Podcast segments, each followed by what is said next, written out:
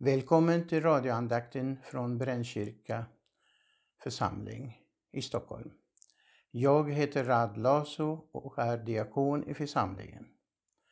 Vi börjar vår andakt i Faderns och Sonens och den helige Andes namn.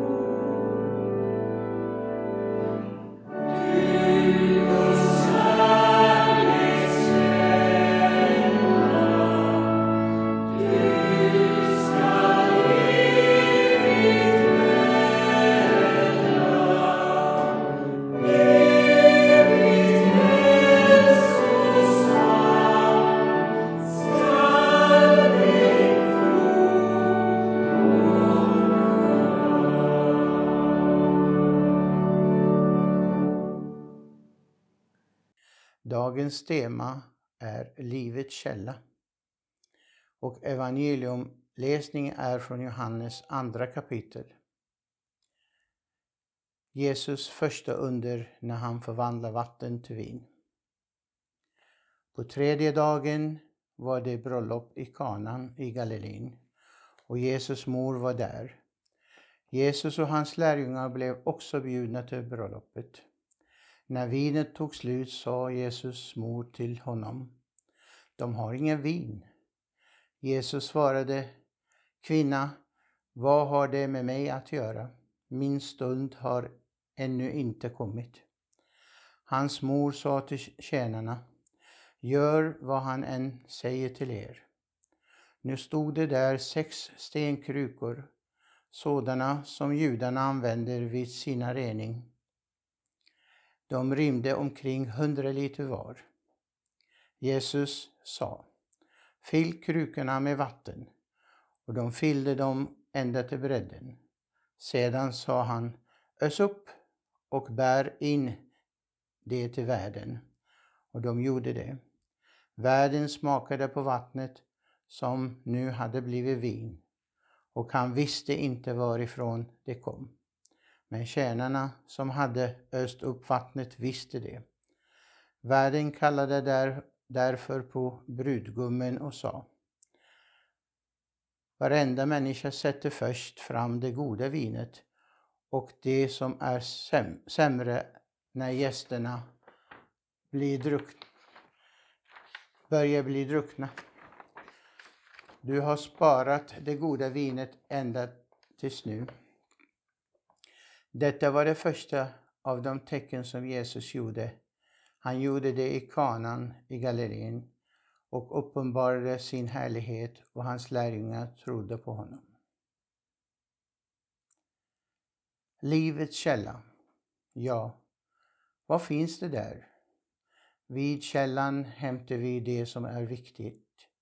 På Jesu tid och idag på många platser går många människor och hämtar vatten vid källan. Vatten som är livsviktigt för att leva och överleva.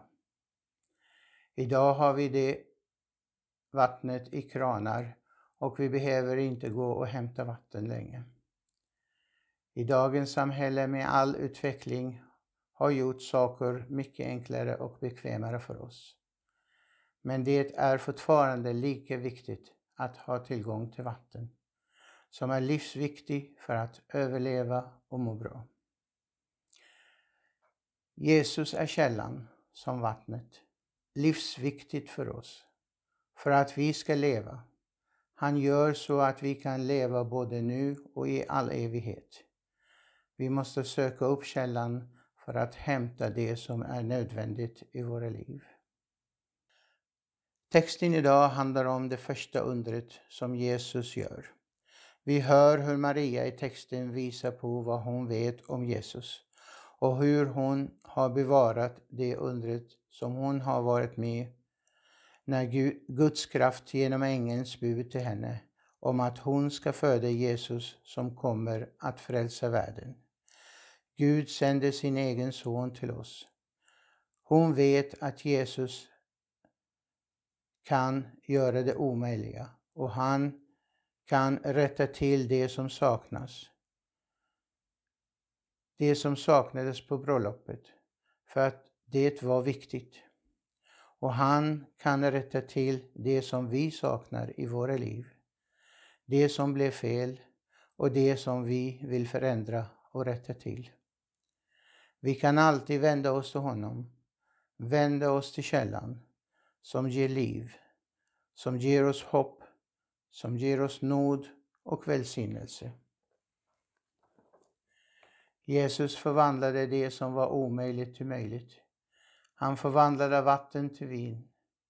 Han kunde rädda situationen då på bröllopet och nu kan rädda våra svåra situationer idag när vi vänder oss till honom och ber om hjälp. Vi ber. Herre, vi kommer till dig, visa oss den friska djupa källan som aldrig torkar. Källan som släcker vår andliga törst. Källan som fyller oss med kraft för att leva i harmoni med skapelsen och med varandra genom kärlek i våra hjärtan till dig och till alla som vi möter i våra liv. Amen. Tillsammans ber vi Herrens bön. Vår Fader, du som är i himlen. Låt ditt namn bli helgat. Låt ditt rike komma. Låt din vilja ske på jorden så som i himlen. Ge oss idag det bröd vi behöver och förlåt oss våra skulder liksom vi har förlåtit dem som står i skuld till oss. Och utsätt oss inte för prövning, utan rädda oss från det onda. Ditt är riket, din är makten och äran i evighet. Amen. Herre, välsigna oss och bevara oss. Herre, låta sitt ansikte lysa över oss och vara oss nådig.